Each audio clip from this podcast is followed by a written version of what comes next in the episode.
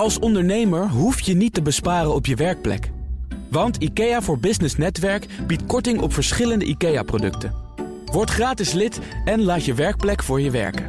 IKEA, een wereld aan ideeën. En de baangerelateerde investeringskorting die ligt onder vuur. Is dat een cadeautje voor bedrijven die toch al gingen investeren... of is het een nuttige steun in de rug?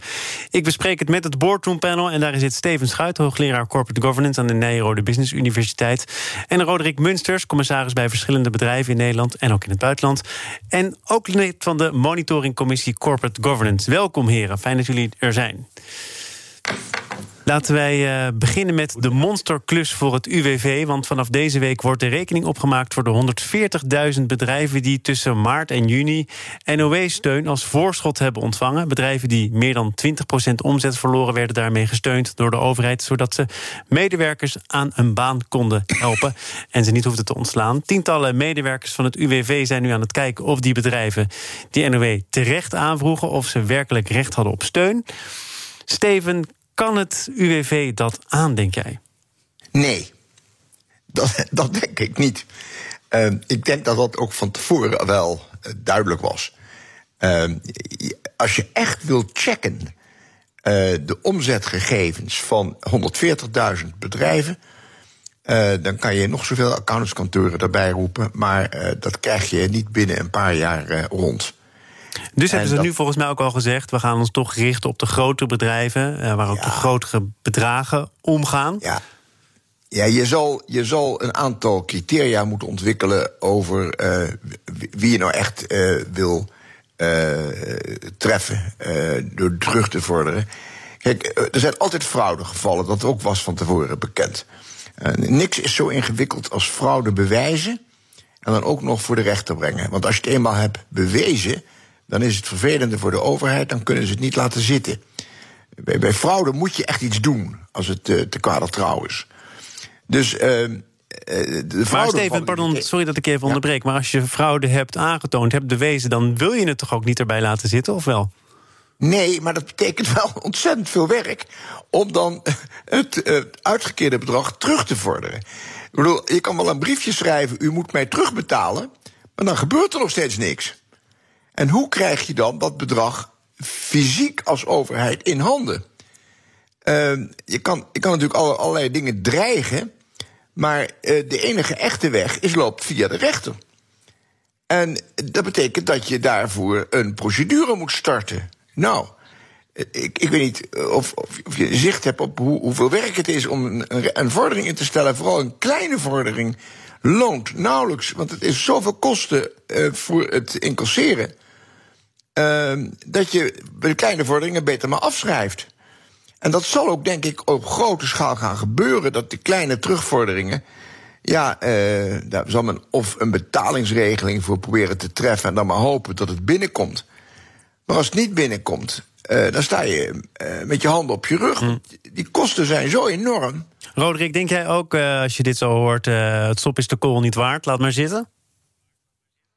Nou, ik denk eerst dat, dat we toch nog een keer applaus kunnen geven aan de overheid. Dat ze zo snel en met, eh, met een, een ruimhartig bedrag over de brug gekomen zijn om het bedrijfsleven en daarmee ook eh, heel veel medewerkers te steunen. En daarnaast ben ik het graag met Steven eens. Eh, ook in dit geval, ik, ik denk dat het heel moeilijk wordt. Ik denk ook dat het heel langdurige processen gaan worden. Dus je kunt je beter concentreren op, uh, op de grote.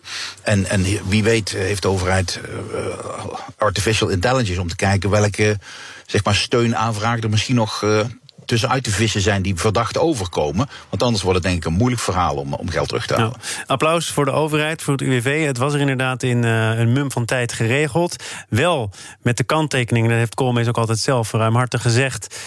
Het is, uh, het is grof, het moet stupid zijn. Iedereen moet er gebruik van kunnen maken. We gaan hier niet al te moeilijk over doen. Gevolgd door de zin: ik doe een moreel appel op bedrijven, maak hier gebruik van als het ook echt nodig is. Wat zijn die laatste woorden waard? Ja, ik denk als ik in een, uh, in een raad van commissarissen zit en het bestuur zou mij vragen: uh, ga je ermee akkoord dat wij dit gaan uh, aanvragen? Dat het antwoord is: heb je het geld echt nodig? En dan, het, en dan zegt het bestuur natuurlijk ja, want anders dan was het niet bij u gekomen. Nou, hupsakee, doe maar. En de vraag heb je er nou echt recht op? Ja, die, die, die komt dus echt pas na een paar weken aan de orde, want je hebt het veel te druk. Upfront is er heel weinig, denk ik, uh, intern gecheckt of je nou echt aanspraak kan maken en uh, in welke mate. Ja. Roderick, uh, toch nog even naar jouw rol als commissaris bij Unibail Rodamco Westfield. Ik um, kwam, dat is al maanden geleden hoor, maar toen een bericht tegen op de site van RTL. Die hebben onderzoek gedaan onder beursgenoteerde bedrijven. Hebben ze wel of geen aanspraak gemaakt op NOW? Hebben ze het aangevraagd? De ja, de nee. En achter Unibail Rodamco Westfield stond een vraagteken. Uh, is dat omdat uh, het bedrijf het niet wilde zeggen of omdat het nog een procedure was? Kun jij daar nu iets meer over zeggen? Nee, nee wij zijn een SE met hoofdkantoor in Frankrijk. Dus uh, ik denk dat we om die reden dit niet aangevraagd hebben. Misschien bij een Nederlandse dochter, maar ik vermoed van niet. We hebben om cash te besparen tijdelijk uh, de beloningen van, uh, van bestuur en raad van commissarissen teruggezet. Want dat is natuurlijk wel het adagium, zoals Steven ook zegt. Cash is king in tijden van enorme onzekerheid. Ik denk uh, dat je moet uitgaan van, uh, van bedrijven, zeker de grote ook, die ter goeder trouw uh, handelen. Dus als er grote bedragen zijn aangevraagd en mensen zien achteraf, en dat, dat hoor je nu toch links en rechts wel gebeuren, dat de omzetverlies meeviel, dat ze het geld reserveren en gewoon straks netjes terugbetalen. Die bedrijven zullen er zeker ook in grote aantallen zijn. Dus, want Roderick, jij stelt vast, en je hoort dat ook om je heen, dat bedrijven te pessimistisch zijn geweest. En nu valt het achteraf mee. En daar hoort dan dus ook een ander bedrag aan steun bij. Nou ja, in bepaalde sectoren wel. En daar hoort dan helemaal geen steun bij, hè, als het achteraf uh, behoorlijk is meegevallen. En ik, ik vertrouw erop, dat is ook de, de inrichting van de samenleving een beetje in Nederland, hè, dat je uitgaat van ter goeder trouw dat die bedrijven, als het geld achteraf niet nodig hebben, dat gewoon netjes terugbetalen. Dat zal niet iedereen doen, maar we focussen ons natuurlijk nu op waar het fout loopt en waar er geprocedeerd zou moeten worden. Maar mijn gevoel zegt me, en zoals ik uh, in het bedrijfsleven sta, dat er een heleboel bedrijven die het niet nodig hebben, gewoon netjes gaan terugbetalen. Dat ze uh, achteraf blij zijn dat de overheid een vangnet gespannen heeft. Ja, het is, het is een vangnet en Steven, de, de, procedure is, en dat kan bijna ook niet anders, dat je eerst geld geeft en daarna gaat afrekenen. Um, en dat, dat was op dat moment ook nodig, omdat cash is king. Eh, bedrijven hadden dat geld nodig. Maar, zeggen critici, dat is ook wel riskant. Hè? Je geeft eerst geld en daarna pas ga je kijken of het uh, wel zo nodig was. Had dat ja, anders gekund?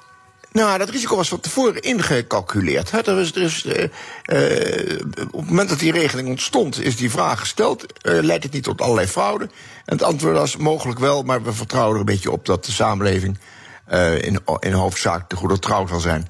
Ehm, ik denk dat dat ook wel het geval is. Het, probleem is natuurlijk dat die grote bedrijven waarschijnlijk zich wel netjes zullen gedragen. Daar komen accountants bij aan te pas.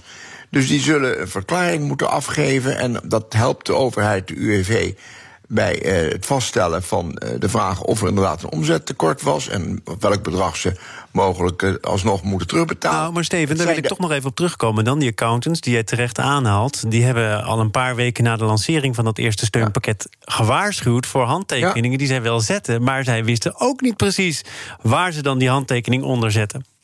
Nee, maar ik denk dat ze alsnog wel na, uh, gevraagd wordt nader onderzoek te doen om een verklaring af te geven over de om, omzet uh, zoals die uiteindelijk is gerealiseerd. Maar het, het probleem is de, de, de kleinere bedrijven die zich niet van een accountant bedienen voor deze exercitie. En die mogelijk ook fouten hebben gemaakt bij het, bij het aanvragen van deze subsidie. En dat kan heel makkelijk, want de regelingen waren zeer complex. Uh, althans voor mensen die uh, in kleinere ondernemingen toch al onder stress staan. Dus ik denk dat er ook heel veel bedrijven zijn die, uh, die zich vergist hebben, de verkeerde regeling hebben. Er zijn drie varianten binnen de NOW 3, 1. daar heb je al drie varianten, dus de kans op fouten is ook groot.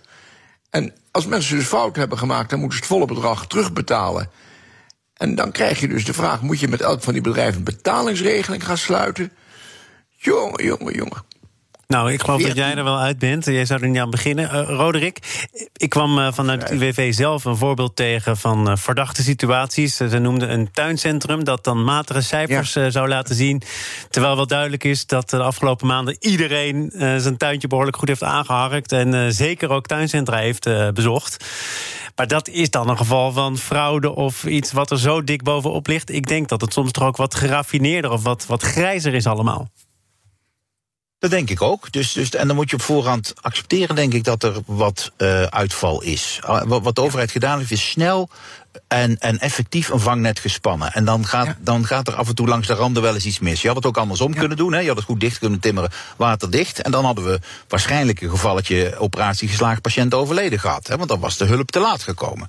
Dus ja. dan, dan kiezen. En ik denk dat de overheid de juiste keuze gemaakt heeft. En, en gaat het hier in boardrooms, uh, denken jullie, Roderick vraagt nog even aan jou in het bijzonder veel over. Over wat nu te doen met de NOW, terugbetalen, nog even afwachten, uh, de rekening nog eens goed opmaken. Of, of uh, zien bestuurskamers en de mensen die erin zitten dat vanzelf wel op zich afkomen? Nou, nee, ik denk bij met name in de sectoren die zwaar geraakt zijn, hè, toerisme uh, als, als een voorbeeld, dat, dat het daar wel degelijk over gaat. Dan gaat het ook om substantiële bedragen. Um, en die zullen overigens de minste moeite hebben, denk ik, om te bewijzen dat de steun die verleend is gewoon op de goede plek en terecht terechtgekomen is. We gaan uh, naar een uh, ander onderwerp dat de tongen losmaakt. Zaken doen. Dat doe ik samen met het Boardroom Panel. En daar zit Steven Schuit, hoogleraar Corporate Governance aan de Nijrode Business Universiteit. Roderick Munsters, commissaris bij verschillende bedrijven in binnen- en buitenland. Lid van de monitoringcommissie Corporate Governance. En die regeling die de tongen losmaakt, dat is de BIC-regeling. De zogeheten baangerelateerde investeringskorting controversieel, want er wordt gevreesd dat met name bedrijven die het niet nodig hebben een cadeautje krijgen. Um, Steven, aan jou de nobele taak om nog even die BIC kort toe te lichten. Wat wordt er in die BIC geregeld? Ja, het is eigenlijk net zoiets als de WIR uh, uit de jaren uh, 70. Uh, daar waren we uh, ook heel ongelukkig over. En uh, vandaar dus dat allerlei mensen, waaronder Onno Ruding, ons waarschuwt... zou je deze BIC-regeling wel willen... Want bij de WIR destijds uh, hebben we gemerkt hoe, uh, hoe lastig het is om zo'n regeling zo te maken dat die uh, bij de goede bedrijven terechtkomt. Maar Deze voor de mensen die de WIR nog niet, niet zo helder hebben meegemaakt, de jaren 70, wat doet de BIC? De BIC, ehm, ja, de BIC is een investeringskorting. Het heet ook baangerelateerde investeringskorting. Even tussen haakjes. De overheid moet nu eens ophouden met die rare afkortingen. Uh, want uh, de, de, uh, normale mensen, waaronder ik, kunnen het soms alleen al door die afkortingen niet meer volgen. Maar goed, om even door te gaan. Die baangerelateerde investeringskorting, die kan je als korting verrekenen met je loonheffing. Dus de heffing ehm, die, die je moet betalen, die is, wordt dan kleiner. En daardoor ehm, wordt ehm, dus eigenlijk die uh, die, die steun verleent. Het wordt aantrekkelijk om te investeren, want je kunt ergens anders ja. dan een voordeeltje ja. boeken. Overigens, over, over afkortingen gesproken, Steven, ik kan je alvast geruststellen, want ook de Raad van State zegt die afkorting slaat nergens op. Die B die moet sowieso verdwijnen, want het levert helemaal geen banen op. Nee, ik denk dat dat, dat dat juist is. Dat is mijn idee alleen maar om het politieke uh, draagvlak te vergroten. Maar de overheid heeft zelf een aantal rekenvoorbeelden gegeven. En die zijn wel interessant. En die heb ik ook goed bekeken. Als je nou eens een elektrische bestelauto van 75.000 aanschaft. als midden, uh, midden- en klein bedrijf. dan krijg je 13.000 uh, effectief voordeel. Dat is best een fors bedrag. En dat is best een bedrag. waardoor zo'n investering dan uiteindelijk toch goedgekeurd kan worden binnen een bedrijf. En dat is goed voor de economie, want dat is wat we allemaal willen. Dat er weer nieuwe bestedingen komen. En dat daardoor de economie weer aanzwengelt. Maar dan zeg jij dus en, eigenlijk: het levert op de lange termijn via een omweg wel degelijk banen op. Want uh, de economie krijgt een impuls. En als de economie een impuls krijgt, dan zal het uiteindelijk tot meer baanzekerheid uh, en werkgelegenheid leiden.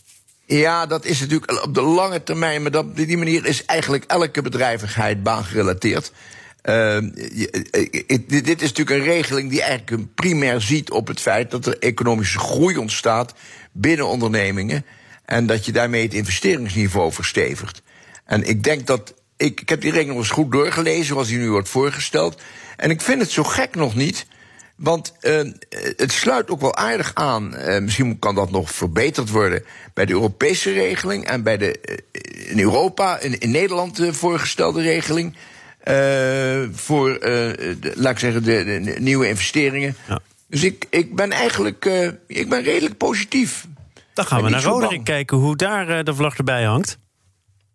Over de BIC? Ik ben wat somberder, moet ik zeggen. Dat zit niet in mijn aard, maar um, ik, vind, ik vind het bedrag is aan de lage kant. Hè. Op zich het is goed dat het gemaximeerd is, want Steven gaf het al aan, die, die weerregeling uh, uit de 70 jaren was een open einde regeling en heeft de overheid geloof ik uiteindelijk meer dan 5 miljard euro gekost. Ja. Maar het is gemaximeerd op twee keer 2 miljard. Dus wat mij betreft peanuts voor het bedrijfsleven. Je kunt ook 3% support verwachten eigenlijk voor de investering die je doet. Dan mag je vanaf 1 oktober van dit jaar gaan tellen. Maar de aanvraag doe je pas vanaf september volgend jaar. En dan kun je het uh, vanaf 2022 in mindering gaan brengen. Dus mijn, mijn somberheid vloeit voort uit het vermoeden dat het effect hiervan heel erg klein is. Dus het, het, het helpt niet op het moment dat je het hardst nodig hebt, vanwege alle termijnen die je net noemt. Het CPB zegt ook in een eigen doorrekening dat het vooral de verwachting is dat bedrijven wat gaan schuiven met investeringen. Ze stellen het uit of ze halen het juist iets naar voren. Maar veel extra's gaat het niet opleveren. Ik begrijp, Roderick, dat jij dat onderschrijft. Ja, absoluut. Ik, ik vraag me ook af of je niet eh, die 4 miljard op een andere manier beter kunt, uh, kunt inzetten. Ik, ik zou het misschien eerder op de, de vraagkant van de economie, dus op, het, op de consumentenkant richten dan op de aanbodkant. Uh, die, de vangnet waar we het net over hadden, met de nauwregeling, is al een keer gespannen. Waar, waarom dit er nog bij doen? En, en Roderick, maak dat dus wat concreter. In welke actie zie jij dat dan het liefste terug? Nou ja, eh, geef mensen een uh, premie als ze een hele oude dieselauto inleveren. Of uh, vraag voortaan 0% btw op verse groenten en fruit. Of, doe iets wat aansluit bij, bij aan de ene kant het milieu... en aan de andere kant consumenten stimuleert om geld te blijven uitgeven in moeilijke tijden. Ik denk, dat zou ik, dan ben ik gelukkig geen politicus... maar daar zou ik dan de voorkeur aan geven nee. als je 4 miljard wilt. Het is, het is wel een, een, een politiek spel. En ik wil, Steven, bij jou toch nog even polsen hoe dit nou gegaan is. Want voordat de miljoenennota gepresenteerd werd, had nog nooit iemand van de BIC gehoord. Daarna ging het er heel lang over. Martin Visser die schreef vandaag in de Telegraaf dat dit uh, misschien uh, het laatste cadeautje is van Hans de Boer, die net zo lang heeft gelobbyd tot hij op een andere manier een paar miljard lastenverlichting voor het bedrijfsleven voor elkaar bokste nadat de vennootschapsbelasting, de verlaging daarvan niet doorging. En dat vond ik ook een mooie zin, dat in werkgevershoek klinkt: uh, wij zijn erg tevreden over de BIC, maar dat hebben we wel vaker met dingen die uit ons eigen brein komen. Zou het zo gegaan zijn? Ja, dat kan, dat kan heel best. Ik begrijp eigenlijk niet. Uh, nu, nu de vraag aan de orde is hier in dit panel. Uh, of de BIC op zich een, wenselijk uh, instrument is, zeg ik nou, dat ben ik met Roderick eens. wat mij betreft had ik veel liever gewild dat we een versnelde afschrijvingsmogelijkheid krijgen voor, onder de vennootschapsbelasting. dat is naar mijn idee veel eenvoudiger dan die hele BIC-regeling. Maar uh, ja, die BIC-regeling is een beetje geconstrueerd. En het kan heel best zijn dat uh, VNO-SCW uh, dit, dit heeft ge, geïnitieerd. dat kan best. Dan gaan we naar uh, tot slot een bedrijf dat het uh, tegen iedere verwachting in toch weer goed doet. Hoewel er was wel een stijgende lijn zichtbaar bij PostNL vanwege het toenemende belang van pakketjes. Uh, bedrijf uh, gaat nu zelfs weer dividend uitkeren. Meer in algemene zin. dit zijn bedrijven waarvan werd gedacht, nou er zit geen toekomst meer in. Of misschien toch echt alleen als ze gaan samenwerken of overgenomen worden door een andere Europese speler. B-Post hebben we natuurlijk gehad in 2016. Roderick, hoe, hoe werkt dat? Is het toch een beetje um, Jantje helpt, Jantje lacht? En kan het, kan het verkeren? Nou ja, kijk, PostNL is dit jaar uh, bezig aan een mooie opmars. Het aandeel staat uh, meer dan 50% hoger dan aan het begin van het jaar. Maar ja, het komt natuurlijk vanaf een niveau van, van drie keer niks. Het heeft bijna 1 euro aangetikt. Um, ik, ik ben heel blij voor ze dat ze, dat ze dat nu meeliften op de golf van pakketjes die door mensen besteld wordt om, uh, om thuis te kunnen winkelen. Of dat echt structureel op dit niveau blijft, kun je afvragen. En het is ook een hele competitieve markt. Um, maar, maar ja, voor, voor hun een goede zaak. is prettig. Ook goed omdat uh, PostNL natuurlijk een van de grootste werkgevers in Nederland is na de overheid. Dus het is ook prettig voor al die mensen die daar werken en hun bedrijf opeens weer uh, het goed zien doen. Maar je plaatst het wel in een perspectief, hè? Vanuit het niveau van drie keer niks, een beetje groeien, dat is misschien snel gedaan. Dat is iets makkelijker. Ik bedoel, dat doet, doet, niks af aan het feit dat ze gewoon goed te werken hebben nu. En dat er goed verdiend wordt. En dat, dat, hè, dus het niveau van de winst is, is hartstikke mooi. En dat zie je dan gereflecteerd in de, in de beurskoers. Uh, maar die stond wel op een heel laag niveau. Dus ik zou van die stijging zou ik niet direct warm of koud worden nu nog. Dan een andere stijging uh, waarvan nog duidelijk moet worden of mensen er warm of koud van worden. Uh, Steven, alle medewerkers krijgen 250 euro, maar FNV, de vakbond, wil eind dit jaar meer dan 5% bovenop het huidige loon. Um, daar is misschien iets voor te zeggen als je kijkt naar de laatste ontwikkelingen. Of is dit uh, te ver voor de troepen uitlopen? Ja, het loopt wel voor de troepen uit. Ik vind overigens dat die uh, salarissen uh, voor de uh, postbezorgers. als je, ik weet niet of je wel eens naar gekeken hebt, maar. Ik ben een oude postbode, heel... Steven. Ik zal het maar meteen even zeggen. Ze zijn ik ben blij bescheiden. dat ik inmiddels een andere baan heb. Ja, het zijn heel bescheiden salarissen. dus dat daar een, een, beetje beweging in komt, dat zou een goede zaak zijn. Ik denk dat PostNL in een groeimarkt is terechtgekomen. Uh, ik ben het met Roderick eens, er is veel competitie. En zeker als Amazon ook uh, de Nederlandse markt uh, gaat betreden met bestellingen. Dan, dan denk ik dat het nog zwaarder wordt. Maar dat online shoppen, dat denk ik zet zich door. en PostNL maakt daar goed gebruik ja, maar Steven, ik wil dan toch nog even terug naar wat jij net uh, zegt. Namelijk, enerzijds, er moet iets gebeuren aan die lonen. Dat kan eigenlijk niet. En anderzijds zeggen, ja, die 5% waar FNV niet mee komt... dat is te snel. Wat moet je dan doen als bedrijf? Nou, allereerst gewoon uh, uitkeren wat je van plan was uit te keren. Want dat heb je inmiddels beloofd. Uh, en uh, dat is ook een heel goed gebaar om alle, alle medewerkers te laten delen in uh, een, een, een positieve lijn die het bedrijf heeft ingezet. Uh, want het is niet alleen Herna Verhagen, het is natuurlijk de, de, het is een groot aantal mensen die hier aan, aan hebben bijgedragen. Dus omdat het, hele bedrijf door uh, een, een, een premie te geven, lijkt mij een goede zaak.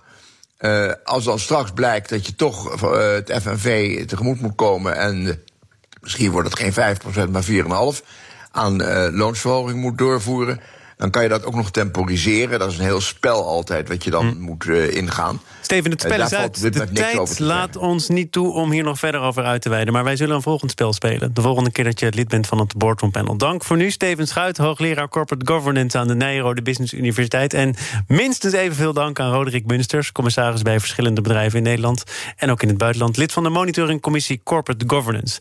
Dit was het voor vandaag. Morgen dan spreek ik Winnie Zorgdrager, voorzitter van de Nederlandse Vereniging van Bioscopen en Filmtheaters. Grote kastkrakers als James Bond, Wonder Woman worden uit uitgesteld en dat brengt de bioscoop in grote problemen. Sterft het bioscoopbezoek door corona definitief uit.